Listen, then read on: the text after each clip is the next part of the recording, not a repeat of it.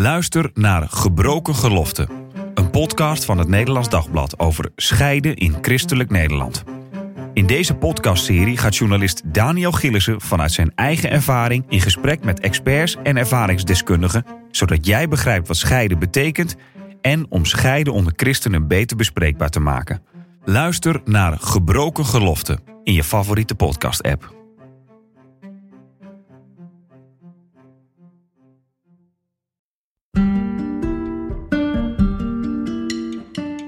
Leuk dat je luistert naar de Relatiepodcast. Iedere week praten we hier over liefde, relatie en seks. Vanuit christelijk perspectief. Welkom, ik ben Marien Korterink en deze week praat ik met relatiecoach Kokkie Drost over autisme in een relatie. Hoe ga je daarmee om? Goed dat je er bent, Kokkie. Dankjewel.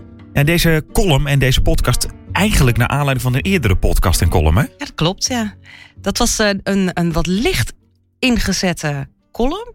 Juist omdat ik merk dat mensen als ze ruzie krijgen of er is gedoe in een relatie vaak allerlei stoornissen elkaar naar het hoofd werpen. Ach, wat ben je toch ook een autist? Ja, Ja, hè? een beetje zo. Ja, ja met je ADHD-achtige toestanden, weet je wel. Dat, eh, en ehm, ik vind dat we daar dus de stoornis mee tekort doen. En eh, vaak ook dan het probleem heel snel bij de ander leggen. Zo van, ja, het, toch, het probleem ligt bij hem of bij haar. Ehm, nou, daar had ik een column over geschreven. Heel veel mooie reacties, maar ook een aantal, ja, wat is het go- goede woord? Verdrietige mensen die een beetje geraakt waren. Die zeiden, ja, maar ja, ehm, wat kan als ook je echt- partner wel zo'n stoornis heeft. En eh, hij of zij blijft het maar ontkennen. Ja, want die vorige, even voor de duidelijkheid, ging meer over inderdaad van... De, jouw boodschap was toen eigenlijk van... je kan altijd heel erg tegen de ander makkelijk wat zeggen... Ja. maar denk eens van, Kijk eens hoe, onhebbelijk ben ik soms zelf? Ja. En dus we zeiden meer van, smijt En- niet te snel met die termen. Precies, smijt niet te zelf met, snel met die termen. Want dat, als dat echt zo is, is dat een serieuze zaak. Ja, en die reacties kreeg jij dus van mensen die zeiden... nou, als je er echt mee te maken hebt, dan, dan, eh, dan is het heel vervelend. Precies. En daarom praten we er vandaag over. Maar even voor de, de definitie, zeg maar. Even voor de helderheid. Wat is autisme dan precies? Nou, tegenwoordig hebben ze het niet meer over autisme, maar ze hebben het echt over autisme spectrumstoornis, oftewel ASS. En dat is de verzamelnaam voor allerlei vormen van, ehm, eh, van ontwikkelingsstoornissen, volgens dan dat officiële handboek van, eh, eh, om te diagnosticeren wat iemand heeft. Wat centraal staat bij alle vormen van autisme, is een stoornis in de informatieverwerking van de hersenen. Dus hersenen kunnen informatie niet goed verwerken. Ehm, en dan kan die persoon bepaalde prikkels die die krijgt niet goed interpreteren. Nou, dat levert natuurlijk allerlei eh, problemen op. Eh, je moet bijvoorbeeld denken aan mensen die minder goed in staat zijn om sociale contacten te leggen. Ze zijn wat meer in zichzelf gekeerd. Ze hebben moeite met inleven in anderen. Dus niet bij iedereen altijd zo, hè? Maar Nee, dit is ja. eventjes, we nemen dat hele containerbegrip ASS eventjes. Eh, dat mensen nu dus niet gaan denken, oh, dat heeft mijn partner. Ja, dat ik dus ja. bij mijn vorige column weer uitkom. dan Dus kunnen we weer eh, over, over een maand weer een dus nieuwe column. Laten we even die andere column maken. ook in de show notes zetten. Ehm, je merkt soms dat de communicatie wat moeizamer verloopt. Ehm, ja, soms merk je ook dat mensen last, last hebben met taalontwikkeling. Eh, dat ze bijvoorbeeld sarcasme niet begrijpen. Oh ja, ja wel? Dat, precies. eh, dat ze alles serieus nemen. Ja, of Ehm, spreekwoorden. Ik, ik heb ook een keer iemand in mijn omgeving gehad die, die, die zei van... maar als jullie een spreekwoord eh, noemen, dan snap ik het gewoon helemaal niet. Want, want dat, is, dat, is, dat moet je natuurlijk nooit letterlijk nemen. Ja, ja, inderdaad. Ja, dat is een heel goeie. Uit Precies een ander vaatje tappen. Ja, Ja. dan- en dat, dat- dat- voor ons is dat heel normaal. Ja, Maar eh, autisten, sommigen kunnen daar dan eh, Ja. dat niet snappen. Ja, ja, en ze zeggen tegenwoordig ook bijvoorbeeld dat ehm, eh, ze verwachten zeg maar dat een stoornis als ADHD, die heeft ook een beetje die, diezelfde hersendelen, ook de informatieverwerking, dat dat, ja, het is zo op zoveel vlakken aan elkaar gelinkt. Dus het is ook niet zo makkelijk om te zeggen, nou die persoon kan zich niet inleven, dus die is autistisch, of eh, die persoon is autistisch, dus hij kan zich niet inleven. Dat is, Ja, dus ook niet zelf te snel een label Nee, plakken. Dan moet je echt is- misschien oh, een Het is expert. iedereen weer heel erg anders. Maar ik denk wel dat het helpt. Helpend is om wat meer te begrijpen. Er zijn nog meer kenmerken. Ehm, interpreteren van lichaamstaal. Eh, bijvoorbeeld eh, eh, vreugde, boosheid of verdriet. Lastig vinden ze dat om dat te herkennen. Ehm, bepaalde patronen in het gedrag kunnen mensen hebben. Dat ze bijvoorbeeld, ja, dat heet dan een preoccupatie. Dat ze bijvoorbeeld een hele tijd met één ding heel erg bezig kunnen zijn. Dat is dan echt hun grote project. Ja, je hebt echt bijvoorbeeld een hobby en dat is alles voor Ja, je. en dan heb je geen andere Ja. belangstelling, geen andere interesses. Eh, ze kunnen juist ook heel gevoelig zijn voor allerlei prikkels of harde geluiden. Dat ze juist even stilte nodig hebben. Ehm, ja, weet je, en dit is even nogmaals niet voor elke autist altijd zo. Of me- mensen met een, eh nou ja, een ASS, noem het maar gewoon ASS. Dat vind ik toch wat vriendelijkere eh, term Ja. dan een autist op de een of andere manier. Ehm, Het is gewoon, en dat, dat vind ik denk ik eigenlijk de mooiste benadering. Ehm, hun hersenen verwerken informatie anders dan neurotypische hersenen. Noem het maar gewoon even zo. Helder. ASS hebben we dus, eh, Ja. dus, dus over. Ehm, en naar aanleiding van die vorige eh, podcast en column kreeg jij dus telefoontjes van mensen. En wat, wat was hun eh, probleem? Of wat wi- wilden ze het vooral gehoord worden? Of Ja, ja zeker. Ja. Ehm, nou, er- zijn ook mensen die het echt totaal verkeerd begrepen hebben. Laat ik maar gewoon even heel lomp zeggen. En ja, je bent voorbij gegaan aan hoe het kwetsend kan zijn voor mensen die wel zo'n partner hebben.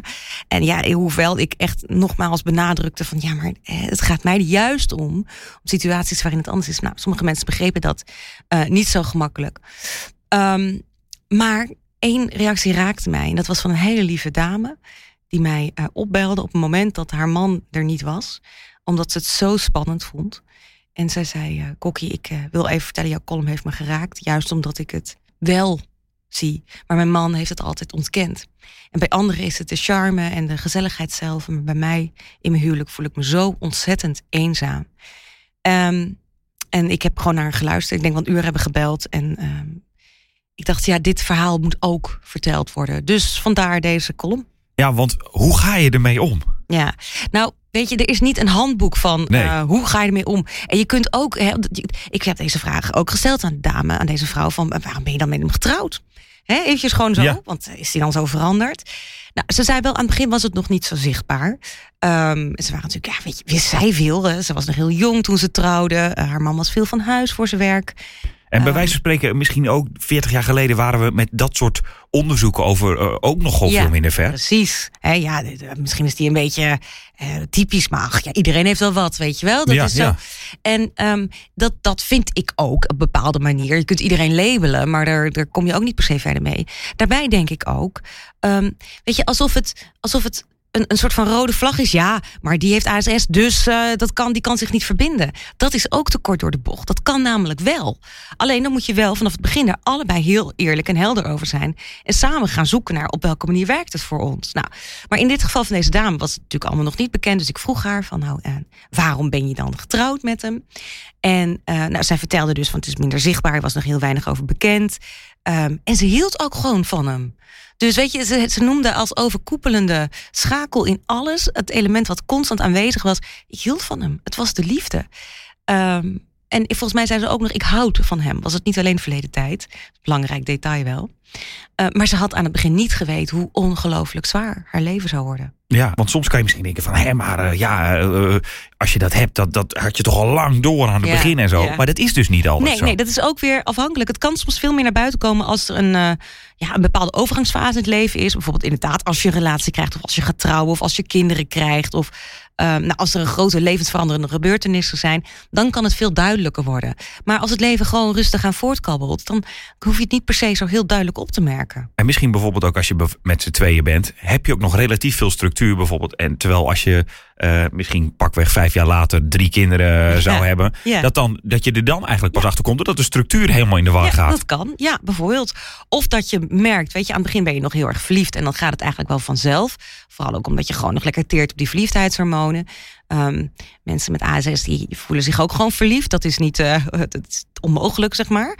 Maar dat je op een gegeven moment natuurlijk naar die andere fase komt in een relatie. waarin het veel meer gaat over je verbinding, de emotionele verbinding. Dat dat pas later zichtbaar wordt van hé, hey, wacht. Ehm, volgens mij krijgen wij op dat gebied elkaar niet echt te pakken. Heb ik het idee dat mijn partner, mijn partner daar mij niet wil begrijpen? Dat kan soms echt ook zo voelen. Hè? Wil je het dan niet begrijpen? Wil je het dan niet zien? Ehm, Kan veel boosheid geven. Zeker, ja, maar ook. En, en dat was wel wat deze eh, vrouw ook raakte. Dat ze zo lang heeft gedacht dat het aan haar lag. En dat vond ik ook weer heel erg verdrietig. Weet je, wat dat je zo gaat twijfelen aan. Hè, want, want haar man in dit geval, die, die wuift het elke keer weg. Van ja, doe niet zo moeilijk. Je loopt te zeuren. En wat loop je nou toch eh, allerlei dingen te eisen? We zijn toch getrouwd? Ik heb toch een keer tegen je gezegd dat ik van je houd. Dan is het toch goed, weet je En, wel? en, en het, het, het eh, ingewikkeld is misschien soms ook nog dat dan ook nog wel eens wordt gezegd: ja, mannen zijn gewoon wat meer zo. Die Ja. zeggen dat niet Ja, elke ja. dag. Dat is ook heel lang nou zo, ja, eh, dus zij dacht misschien hè? van: oh ja, alle mannen zijn misschien Alle een mannen beetje zo. zijn een beetje van die horken. Ach, hè, wat doe ik moeilijk. Ja, Ja, serieus, ja. Wat, wat weet je dat goed, Ja, ik- Jij bent natuurlijk anders opgevoed weer, hè? Ja, nee, precies. Ik zeg het elke dag. Ja, precies. Heel goed. Ehm, Uh, maar inderdaad, dat zit er ook bij. Gewoon van ja, ach ja, het hoort ook een beetje erbij. En, uh, maar ook bij haar dat ze dus dacht: zoek ik, bij, zoek ik te veel van deze man? Wil ik te veel van hem horen? Dat hij van me houdt, dat hij um, uh, mij bewondert. Ik zou wel compenseren voor vroeger. Dat je allemaal het bij ja. jezelf gaat zoeken. Ja. Dat gaan heel veel mensen ook doen. En dat, dat was ook wel uh, wat ik in andere reacties zag. De boosheid die uh, mijn column bij sommige mensen opriep. Ja, en ze hebben juist zo moeten vechten tegen het idee dat het aan hen lag. En nou zet je dat weer terug. Ik denk, oh, wacht. Nee, natuurlijk niet. Dat is een heel ander verhaal dan als je partner echt zo'n stoornis heeft. En tegelijkertijd wil ik ook niet, en dat is eventjes belangrijk, um, het idee scheppen dat uh, als jij een partner hebt met, met ASS. Dat het einde verhaal is. Dat je dan, ja jongens, uh, het houdt op. Dit is het. Het, het. het is heel belangrijk dat er bij beide partijen erkenning is. En als dat er niet is, dan is het heel erg moeilijk. Dan kan het een ontzettend eenzaam leven worden. Maar als er wel die erkenning is, als je weet hoe, uh, hoe jullie persoonlijkheden in elkaar zitten. Het sowieso geldt dat voor elk stellen. Dat vind ik eigenlijk wel grappig. Ik denk, ja, we hebben het nu specifiek over de ASS-groep. Um, maar ik vind bij alle stellen altijd heel belangrijk. Ken ook jezelf. Ja. En het is ook, eh, we proberen dan, uh, straks gaan we natuurlijk ook nog weer, weer van, hey, hoe ga je er nou mee om en heb je concrete tips? Maar het is ook, iedere relatie is anders. En ja. ieder, iedereen die ASS heeft, is ook weer anders. En ja. je hebt de degradaties, ja. dus zijn niet standaard oplossingen. Doe even dit, doe even dat en dan nee. komt het altijd helemaal goed. Nee, nee, dat precies. Er is geen handboek voor. Nee. nee dat... Maar het begint wel in alles, hiermee ook bij die erkenning. En, uh, maar daarom... kunnen uh, mensen met ASS zeg maar ook, kan je, want uh, bijvoorbeeld als ik denk even over de, de connectie voelen. Ja. Uh, als iemand dat simpelweg niet voelt, omdat ja. hij bijvoorbeeld ASS heeft, dan is het ook moeilijk om te zeggen: ik wil graag dat je dat, dat ziet. Ja. Dat gaat gewoon niet gebeuren. Nee. nee, en daar kom je dus op het verwachtingen. He, als jij verwacht van je partner, nou, die gaat wel veranderen en die gaat het wel een keer zeggen. En als we samen, uh, langer samen zijn, dan komt dat wel. En het komt maar niet. Dan is dat keer op keer op keer natuurlijk een enorme teleurstelling. Um, dus op dat gebied heb je echt wel ook bij jezelf um, ja, een soort van verwachtingsmanagement nodig. En het onvermogen van de ander zien. En dat klinkt heel hard en heel zwaar, maar het kan jou helpen om minder die teleurstelling elke keer te voelen. Ja, en dat, dat, ja, ik kijk er ook een beetje verdrietig ja, bij. Ja. Nee, maar ik, dat, ik voel dat wel even mee. Ja. Zeker in het geval van de, de, de dame die mij belde, die die verwachtingen wel had. En keer op keer op keer die teleurstellingen zo, zo stevig voelde. Gelukkig is er ook echt wel hoop voor mensen die um, dit al wel weten. En samen hiermee aan de slag willen. Want het is echt niet zo dat mensen met ASS niet in staat zijn om iets te leren. Zeker wel. Ja. Kijk, en het is natuurlijk zo, je kunt niet. Um, uh, zo'n hele hersenstructuur veranderen. Nee, ik bedoel, iedereen heeft zijn eigen persoonlijkheid. En een ASS is ook niet niks natuurlijk. Maar er zijn gelukkig echt hele goede therapieën en uh, methodes die mensen hier wel in kunnen helpen om elkaar te kennen, elkaar te begrijpen. Wat niet betekent dat het altijd gemakkelijk zal worden. Zeker niet. Maar er is wel hoop. Is verwachtingen misschien wel het allerbelangrijkste? Want ik zit bijvoorbeeld te denken, als ik een keer chagrijnig ben, dan uh, vraagt mijn vrouw, is er iets? Dan zeg ik nee. En dan vraagt ze, nee, is er echt niks? Dan zeg ik nee. Maar kijk, zij voelt dan op de duur, er is wel wat aan de hand, ik moet even naar vragen. Ja. Maar als je dat bijvoorbeeld niet hebt, mm -hmm. dan, ik, ik wil er zelf niet over beginnen. Dat die ander even, uh, en ja, dan en toch die derde keer erover begint. Ja, natuurlijk is er wat, weet je. Maar dat moet je dus een beetje zien of een beetje voelen. Ja, je hebt dus partners die zeggen, oh nou dat is fijn. En dan gaan ze verder in, uh, weet ik veel, een computer game of zo. Maar dat is met dit dus, verwachting is dus van, uh, als ik die boter heb, dan moet ik er waarschijnlijk, als mijn vrouw ASS zou hebben, er zelf over beginnen. Van ja, er is wel wat inderdaad en ik vind het gewoon heel vervelend. En soms wil je dat liever niet, maar dat is verwachtingen dan. Precies, en dan moet je dus echt gewoon heel duidelijk communiceren. Heel duidelijk zijn in je communicatie. En bijvoorbeeld, ja, ik voel me een beetje verdrietig omdat je, noem eens wat, uh, het afval niet hebt uh, verschoond. Terwijl ik het je wel gevraagd had. En dat geeft mij het gevoel dat je mij niet uh, belangrijk vindt. Nou, dat is ontzettend moeilijk natuurlijk. maar je bent zo op die manier wel eerlijk tegenover jezelf en ook tegenover die ander. En het zijn processen die je wel samen kunt gaan leren hoe je daar op een goede manier mee om kunt gaan. Ja. Verwachtingen, zijn er nog meer algemeenheden waar, waarvan je zegt van dat is belangrijk om op te letten dan? Nou, wat over het algemeen bekend is, dat uh, mensen met een uh, uh, ASS, met ASS, dat die het lastig vinden als structuur ontbreekt. dus als ineens onverwachte dingen gebeuren, dat je gewoon probeert die structuur, wel die regelmaat in je, in je leven te houden. Uh, dat kan ervoor zorgen dat er gewoon niet zoveel stress is. En dan, ja, ik zeg altijd, dan stroomt het gewoon allemaal wat beter. Het is gewoon een hele praktische tip. Ander is om praktisch gezien gewoon echt heel heldere afspraken te maken met elkaar. Um, wie doet wat? Uh, wanneer moet je iets wel of wanneer moet je iets niet zeggen? Gewoon dat soort hele praktische uh, dingen. Um, en ook samen de tijd nemen om af en toe eens even te kijken waar staan we hier in, in deze relatie. Vind jij het nog goed gaan? Ben jij nog gelukkig? Is er iets wat ik kan doen voor je? Uh, en dat, dat geldt natuurlijk ook andersom. En misschien, weet je, ik vind dit altijd een enorm teleurstelling als ik mijn man letterlijk moet vertellen wat ik van hem nodig heb. Want ik verwacht Ja, dat ja. hij dat even zelf bedenkt. Maar dat, het Dat dus voor dat alle verwachten. relaties. Ja, dat je dat dus ook gewoon uitspreekt richting elkaar. Ik heb nu nodig dat je me even een hele dikke knuffel geeft. Bijvoorbeeld. En wat ook, dat vind ik sowieso ook een hele mooie. Ehm, kijk, wij verwachten vaak dat iemand zijn of haar liefde aan ons laat zien op de manier waarop wij het zelf ook laten zien. Hè? De liefdestaal is daar een heel belangrijk voorbeeld in. Ehm, maar iemand met ASS zal het weer op een hele andere manier doen. Ik kan ook even nu niet precies bedenken hoe. Misschien is het door constant in die structuur elke ochtend, ik zeg maar wat de ontbijttafel te dekken of Ja, zo. ja. Dat kan een vorm van liefde zijn. Dan geldt het ook wel dat je dus goed op zoek gaat naar welke manier laat hij of zij die liefde aan mij zien. Dus dat je je daar ook voor openstelt op een bepaalde manier. Ehm, dat je ontvankelijk wordt van oké, wacht even, dit is anders dan de manier waarop ik het misschien zou laten zien of zou, zou voelen. Maar dit is voor hem of haar echt een manier om te laten zien: ik hou van jou en ik ben blij met ons leven samen. En soms moet je ook gewoon de persoon ehm, dit soort zinnen leren. Ja, de romantiek is bijna. Ja, dat, dat- dat gevoel krijg je natuurlijk Ja, een dat beetje. Maar het is klopt, een andere vorm van romantiek. Ja, nou precies. Dat vind ik. Het is een andere vorm van romantiek. Want het heeft wel ook die toewijding, die commitment richting elkaar. En vooral ook het samen dit doen. Ehm, ik vind het wel belangrijk dat je daar gewoon bewust van bent. En eh, weet je, eigenlijk geldt het voor iedereen die aan een huwelijk begint. Ehm, als je te veel verwachting hebt van de ander, te veel verwacht, nou, die ander die gaat wel dat of dat veranderen, of die gaat wel zus of zo zijn, dan raak je teleurgesteld. Hoe dan ook. Het gaat echt zo om uitspreken wat jij verwacht, wat je nodig hebt. Ehm, ook eerlijk zijn tegenover je eigen hart, welke teleurstellingen er zijn. En eh, nou, in het geval bij een partner met ASS zul je nog veel duidelijker moeten uitleggen waarom iets teleurstelt. Nou, realiseer ik me wel, nu ik dit vertel, dat dit natuurlijk voor ehm, sommige mensen denken, ja, leuk hoor, kokkie, dit verhaal, maar mijn partner kan dat echt niet. Nou, ik wilde ook vragen, want jij zei aan het begin van de, dat, je, dat je in een relatie dat je de samen moet mee leren leven. Kan het ook zijn dat je, hoor je ook wel eens in je praktijk dat mensen zeggen: Ik kan hier gewoon niet mee samenleven. Ja. Ik kom daar nu achter en dit kan Ja. gewoon niet. Jazeker, ja. En wa- wat adviseer je dan? Nou, ik vind het sowieso heel belangrijk dat dit ieders eigen persoonlijke proces is. Dus ik heb geen hapklaar antwoord van, oh, ben je teleurgesteld? Nou, dan zit er maar één oplossing op, hè? Dan Stoppen. eh, stoppen. Ja, dag, veel plezier. Ieder, iedereen heeft zijn eigen, ehm, ja, wat zijn het? Kaders. Eigen redenen waarom ze getrouwd zijn. De eigen kaders waarbinnen ze het huwelijk vinden passen. En van buitenaf kan je ook nooit zeggen: Het is Oh. voor jou wel te zwaar en voor jou, nou, het is Oh, nog man, net het is doable. zo moeilijk, hè? Of ja, laat ik anders zeggen, het is juist zo makkelijk om van buitenaf te vertellen... nou, ik was al tien keer bij je weggerend. Of van nou, dat jij eraan begonnen bent, mij niet gezien. Heel makkelijk gezegd van een afstand. Je zou er maar in zitten.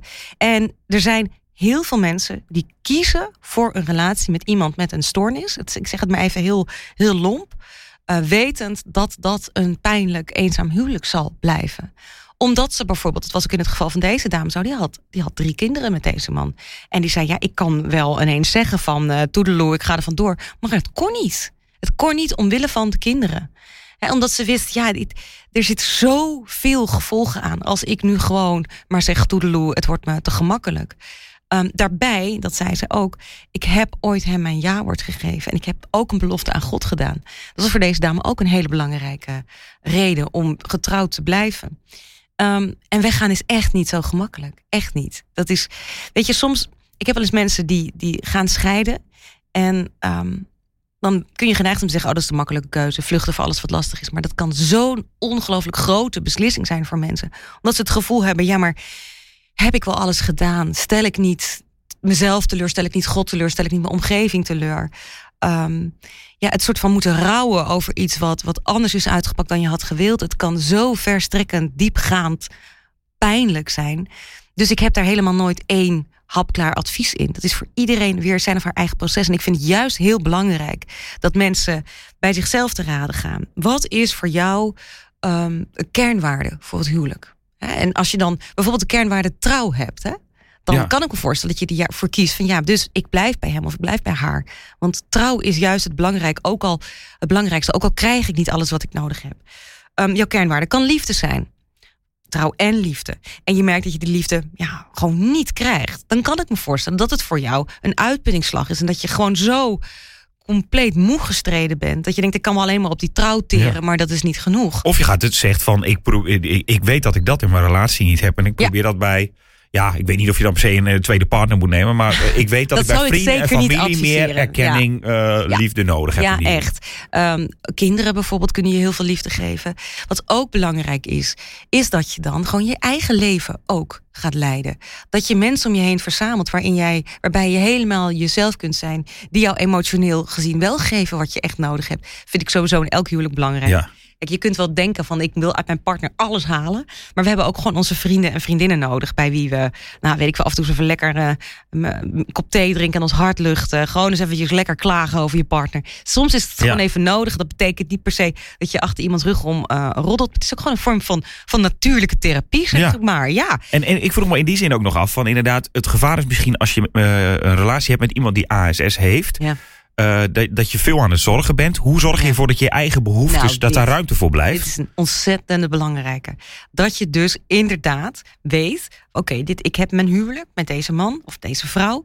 En het, is, eh, het kost me heel veel energie. Dat je ook bij jezelf te raden gaat. Dat is ook weer de liefde die je voor jezelf moet hebben. Dat is heel belangrijk, altijd in elke relatie. Dat je dus inderdaad ook gaat kijken naar, naar jouw behoeften. Je eigen ruimte, je eigen leven. Ehm, dat jij van mensen erkenning krijgt. Dat hebben we als mensen gewoon allemaal nodig hoor. Dat is niet per se is niks tragisch of zo. onmenselijks. het is niks onmenselijk, het is heel normaal. Ehm, eh, maar dat je dus inderdaad ook stilstaat bij wat heb ik zelf nodig. Nou, wie weet, heb jij een hobby waar je helemaal lekker je energie in, in, in kwijt kunt of juist uithaalt. Ja, het is zo belangrijk dat je dat soort eh, dingen juist misschien wel, juist als je een partner hebt met ASS, dat je dat extra opzoekt. Er zijn ook eh, groepen van partners. ehm, van mensen met ASS die elkaar vinden en elkaar natuurlijk super goed begrijpen. En er kunnen ook hele mooie vriendschappen uit ontstaan. Ehm, en die mensen zullen ook veel beter begrijpen waarom je er wel voor kiest om te blijven. Of waarom je ervoor hebt gekozen om er niet in te blijven. Weet je wel? En die zullen ook veel beter begrijpen dat iedereen daar een oordeel over heeft. Dus het is ook gewoon gezond om eh, lotgenoten, mag ik het zo noemen, te zoeken en te vinden. Om daar met andere mensen over in gesprek te gaan. Je zelf ook de tijd en de ruimte te geven om te zoeken naar op welke manier is dit voor mij leefbaar. En ehm, dan kan de conclusie zijn: het is het niet. Dat kan. Ja, En de, en de les voor de mensen eromheen is dus eigenlijk oordeel vooral niet te hard vanaf de nee, buitenkant. echt niet. Nee. En ook de les is niet van begin er niet aan. Want dat is ook zo makkelijk om te roepen. Ehm, jij, jij zei net al, hè, je, je sprak wel eens iemand met ASS. Nou, ik ken ook mensen met ASS. Het zijn ook gewoon bronnen van liefde.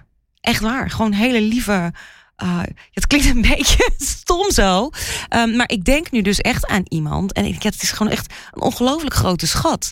En eh, dan vind ik het zo gemakkelijk om te zeggen: Nou, begin er niet aan. Nou, volgens mij is er ook zoveel liefde in, in die harten te vinden. En ehm, dus ik, het, het, raakt mij ook als, als, als mens persoonlijk. Dat we soms zo hard zijn in het oordelen van... ja, nou hoor, dat is echt een relatie, daar word je alleen maar ongelukkig in. Dat hoeft het niet te zijn. Maar het geldt wel, net zoals voor alle relaties waar we aan beginnen... en bij deze nog wel extra, dat je je echt bewust bent van... wacht even, we zijn anders, we hebben verschillende verwachtingen van elkaar. Uh, maar met goede afspraken en ook je realiseren... Um, getrouwd zijn is gewoon een leven lang gedoe met elkaar aangaan. Ik moet vanmiddag nog een stel trouwen. ben benieuwd hoe dat gaat. Ga Jullie dat kiezen ervoor om dit gedoe aan te gaan. Succes! Ja, het is eigenlijk gewoon een leven lang gedoe samen. Maar ook, en dat is natuurlijk wel het, ongelooflijk mooie van een, een relatie, samen staan in dat gedoe. Weet je, ik kan me juist ook voorstellen dat jij deze podcast luistert en jij uh, hebt ASS, dat je juist kunt verlangen naar iemand die er gewoon naast jou staat, die jou helemaal kent, helemaal begrijpt en zegt: Kom maar, ik help je hierin. Ik hou van je zoals je helemaal bent. Um, je, je, kunt ook elke keer dat, dat, je mensen. Ja, ik weet niet of je dan met ASS ook het gevoel kunt hebben dat je mensen teleurstelt. Maar goed, ik, ik weet bijvoorbeeld van uh, kinderen met autisme. Die krijgen vaak zoveel constant negatieve feedback. Omdat hun gedrag niet, uh, niet sociaal wenselijk is. Ja. En dat je dus ook helemaal van, nou ja, ik, uh, blijkbaar doe ik het altijd fout. Dat, dat kun je ook ontwikkelen. Nou, hoe heerlijk is het dan dat je iemand naast je kunt hebben die zegt: Kom maar, ik help je wel een beetje Ja. in dit leven. Um, het is natuurlijk, en dan kun je weer gaan kijken, ja, maar er ontstaat een ongelijkwaardigheid in de relatie. Ja, dat kan kloppen. Dus dan is het ontzettend belangrijk dat je daar eerlijk over praat met elkaar. Dat er gelijkwaardigheid er wel is, maar dat je gewoon op dat front afspraken maakt. Ja, en aan de andere kant kan iemand met ASS je misschien structuur bieden als je dat zelf eh, minder hebt en denkt van dat ik, ik heb dat ook, nodig. Zeker, ja. En juist ook de rustmomenten. En misschien ook gewoon heldere kijk op de dingen. Humor, weet je wel. Dit is, er zitten zoveel uh, ook hele mooie, uh, sterke kanten aan... die je gewoon met elkaar ook moet En dat zijn ook gewoon ontdekken. mensen in die zin gewoon... We moeten ook niet doen alsof het alleen, uh, alleen dat probleem is. Want nee. er zijn natuurlijk ook gewoon nog mensen die ja. leuk zijn, grappig, lief, aardig. noem het maar op. Ja, zeker, het zijn net mensen. Hè? Ja, nee, maar dat is dus ook weer stom om te zeggen. Nee, ja, nou, maar dat, dat, dat, ik zeg het ook een beetje spottend, moet ik eerlijk zeggen. Um, Weet je, ik denk dat we hebben allemaal als mensen hebben we een vlekje. Dat is, uh, ik zeg altijd grijnzend als de erf. En dit is wat hè? meer, en dat is wat, dit is wat meer bekend. Uh, Zeker. En jij hebt ook allemaal eigenaardige dingen. Nou, ik ben ook ja. neurotypisch. Ik heb ook, uh, ja, of nee, hoe zeg je dat? Neurodivergent ben ik juist. Ik heb nee, wat had het. In? Nou, neurotypisch is dat je normaal bent, dus aanleidingstekens. Mijn brein verwerkt informatie ook anders. Ik ADHD. Um, dus ja, dat en dat is soms heel lastig, maar soms ook ontzettend leuk. Um, maar ik weet gewoon van jongs af aan al, ik ben anders. En vroeger, toen was het ook nog niet zo bekend, dan voel je je eigenlijk wel minder dan een ander. En omdat je denkt, maar alle mensen kunnen wel normaal leven. En die hebben niet dat ze niet kunnen slapen van alle prikkels. En ik dacht, ja, ik overdrijf weer. En dan moet ik denken aan mijn oma, die altijd zei, je moet flink zijn, weet je wel. Ja. Terwijl ik, oh, ik weet niet hoe dat. Nou ja, goed, dat ging allemaal heel veel. Dus dat heet een uh, neurodivergent brein. Maar ik weet ook, er zitten ontzettend veel hele mooie kanten aan. Nou, ASS is ook dus een neurodivergent brein, dat informatie anders verwerkt. Uh, en je hebt neurotypische breinen die de informatie wel normaal verwerken. Maar goed, ook neurotypische breinen hebben natuurlijk er allerlei uh, rugzakken, allerlei dingen die ze mee hebben gemaakt. Um, andere kanten die we niet zien van mensen. We hebben allemaal Alleen wat die- zongen. Ellie en Rikke volgens mij, Alleen toch? ja, de informatieverwerking is anders. En dat merk je natuurlijk in de communicatie heel sterk. En daarom is het ook zo ontzettend belangrijk dat je daarin eerlijk communiceert. Dat heb ik bij mijn man ook moeten leren. Uh, ik heb het hem moeten leren. Terwijl ik de neurodivergent ben. Dat is toch ook een interessant. Ja. Maar goed, je leert om en om dus weer van elkaar. Zeker wel, ja. Dankjewel voor deze week, Kokkie. Ja, ik stop niet met praten met mijn neurodivergente brein. Heb je nog meer informatie te geven? Het is toch wel. Nee, ja, ik wil nu deze... stoppen we echt. Jij ik wil deze podcast, nou, ik wil hem even echt liefdevol afsluiten voor beide partijen. Voor de mensen die zich eenzaam voelen. Want dat kan echt heel erg zwaar zijn. Um, of kan, dat is natuurlijk vreselijk zwaar. In een, in een liefdeloos huwelijk zitten waarin je dat nooit gevoeld hebt. Uh, en uh, dan ben ik heel erg dankbaar dat, nou, dat deze vrouw die mij zo lief opbelde. Uh, de, de liefde van God zo ervaarde. Dat ze vriendinnen heeft. Dat ze met mensen erover kan praten. En um, ik ben aan de andere kant dank, dankbaar dat dit gewoon bespreekbaar is. Dat we er steeds meer over weten. Dat we handvatten kunnen vinden met elkaar. Dus ik wil hem ook gewoon hoopvol afsluiten. Dankjewel daarvoor. Graag. De column van uh, Kokkie die zet ik natuurlijk weer in de beschrijving van deze podcastaflevering. En als je nou ook een vraag hebt over relaties, liefde of seks waar je graag een antwoord op wil, mail je vraag dan naar podcast.nd.nl. Tot volgende week.